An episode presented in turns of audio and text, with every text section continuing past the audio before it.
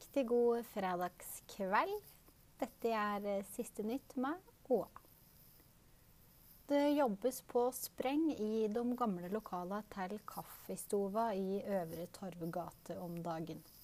Snart skal Gjøviks eh, eldste kafé forvandles til en ekte indisk restaurant.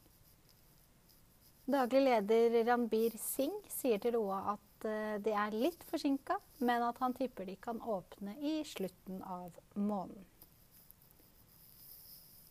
Kløverkjøtt AS eh, trekker tilbake produktene pannestekte karbonader og pannestekte kjøttkaker, som er solgt i bunnprisbutikker over hele landet. Årsaken er funn av listeria. Karbonadene og kjøttkakene må ikke spises eh, uten varmebehandling, advarer Mattilsynet i en pressemelding. De som utførte hærverket i Einahallen, har meldt seg. Og de har blitt enige med huseier om å rydde opp etter seg. Det var torsdag kveld at det ble oppdaga omfattende hærverk i Einahallen. Da sa leder for Eina fotball, Magnar Bjørnerud, følgende.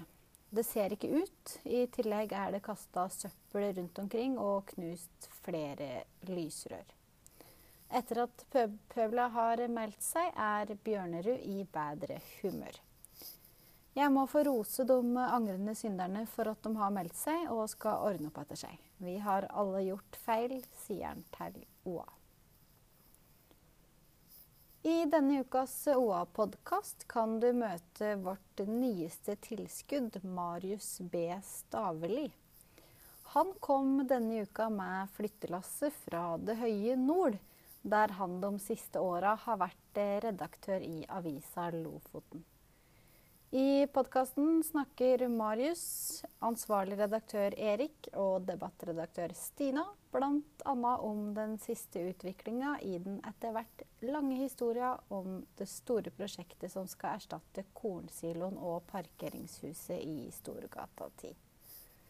Mitt navn er Lisa Granberg Jansen. Jeg ønsker du som hører på, en riktig god helg.